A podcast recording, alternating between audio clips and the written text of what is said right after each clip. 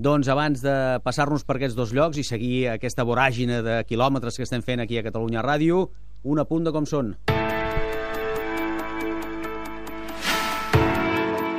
Preu d'un cafè al centre de la ciutat. A Helsinki, 2,70 euros. A Sofia, un euro. Una barra de pa. A Helsinki, 1,70 euros. A Sofia, 50 cèntims. El diari. A Helsinki, 3 euros. A Sofia, 50 cèntims. Preu del bitllet de tramvia. A Helsinki, 3 euros. A Sofia, 50 cèntims. Preu del metre quadrat de l'habitatge al centre. A Helsinki, entre 6.000 i 8.000 euros. A Sofia, 1.000 euros. Taxa d'atur. A Finlàndia, 8,5%. A Bulgària, 13%. Molt bé, doncs primer Bulgària. Sergi, Bulgària és el país més pobre de la Unió Europea. Tu, a més a més, has visitat la part més pobra de Sofia, la capital, eh, el barri de la Facultet, es diu?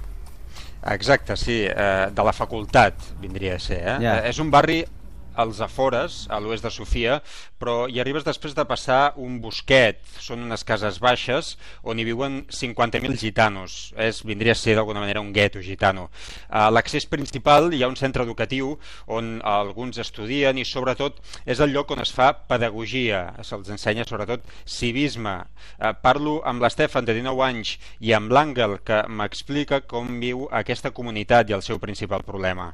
Crec que trobaré una bona feina perquè són uns estudis molt específics. Es tracta de fer d'intèrpret per la gent sorda.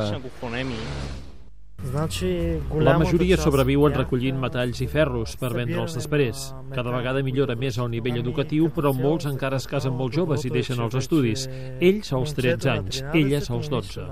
Perquè... I estem parlant també en molts casos de malnutrició. La seva esperança de vida no és gaire superior als 50 anys. Ja, perquè, Sergi, Bulgària està aplicant dosis d'austeritat, a més a més? Eh, Ara mateix, pròpiament dit és així, no.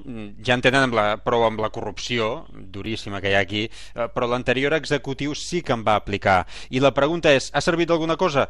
Així els ho plantejava asseguts en un cafè a Sofia a la sociòloga Jana Tsoneva i a Mikhail Ernesto Mikhailov, i no coincideixen. Quan parlem d'austeritat és possiblement l'única cosa bona que va fer l'anterior govern. Es van cremar vives vuit persones.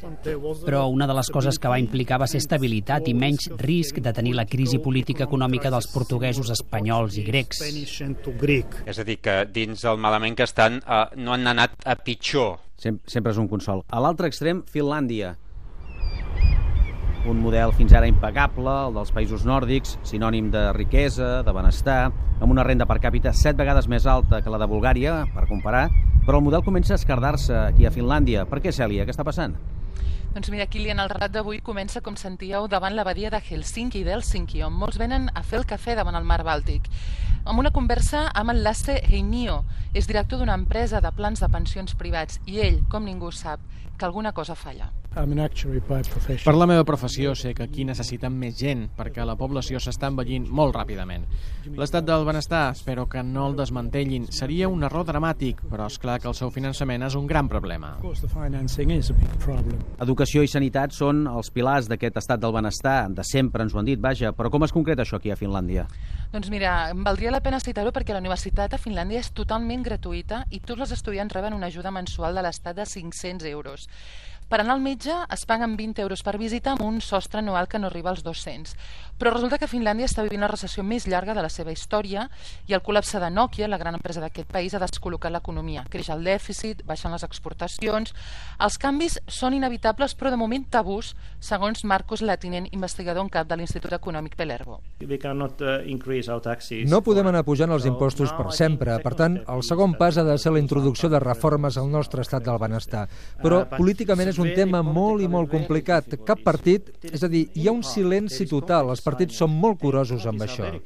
Mirem-nos una, una qüestió en els dos països. L'extrema dreta.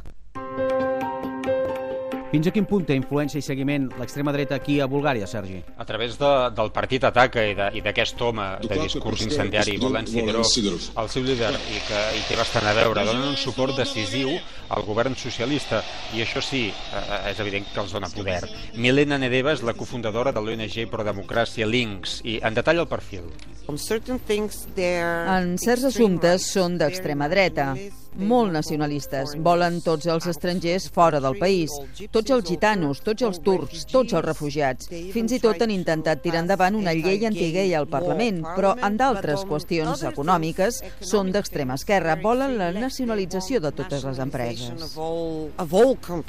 Tot i així, l'acostament al govern els ha fet perdre un mínim suport. I a Finlàndia, el populisme de dretes, perillinen xenòfob, puolue, ja ha fet forat. Són molt actius, Cèlia? Doncs mira, Timo Soini, qui sentíeu, és el seu líder. Es diuen veritables finlandesos. I gairebé el primer que ens hem trobat quan hem arribat a Helsinki ha estat una furgoneta anunci del seu candidat a aquestes europees. Al lateral del vehicle, dins un cercle vermell, un missatge molt clar. Stop EU, aturem la Unió Europea. A dins hi viatja la Jaana Vesterinen, Creu que a Finlàndia li preguntem ha de marxar d'Europa? La resposta és sí. I el per què? Mm, Perquè la Unió Europea no ens ha donat el que esperàvem. Tenim 300.000 persones sense feina i encara continuem pagant més a Europa del que rebem. more money than what we get in Europe. El 2011 els veritables finlandesos es van convertir en tercera força del Parlament i se'ls pronostica el 19% de vot en aquestes europees. Com s'ho fan? Li hem preguntat a Tuomas Ilantila, investigador sociòleg de la Universitat de Helsinki. Van explotar la crisi de l'euro a les eleccions, però ja abans havien començat a integrar un segon grup de gent, la la xenòfoba. Eren gent, com ara bloggers, que mobilitzaven el sentiment antiimmigració, i el secret de l'èxit dels veritables finlandesos del 2011 va ser la combinació d'aquesta vella tradició populista amb una de nova, la xenòfoba. Irònic en un dels països més restrictius d'Europa en matèria d'immigració i això es fa evident al centre d'Helsinki.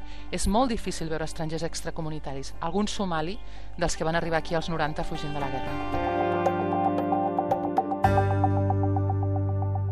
Doncs bé, ja en portem 8.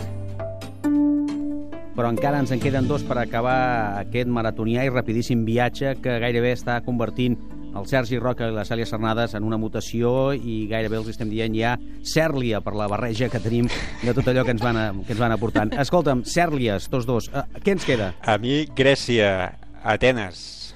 I a mi, Alemanya i concretament Frankfurt, eh, seu del Banc Central Europeu. Fantàstic, doncs demà hi tornem. Que vagi bé, bon viatge. Adéu. Bona tarda.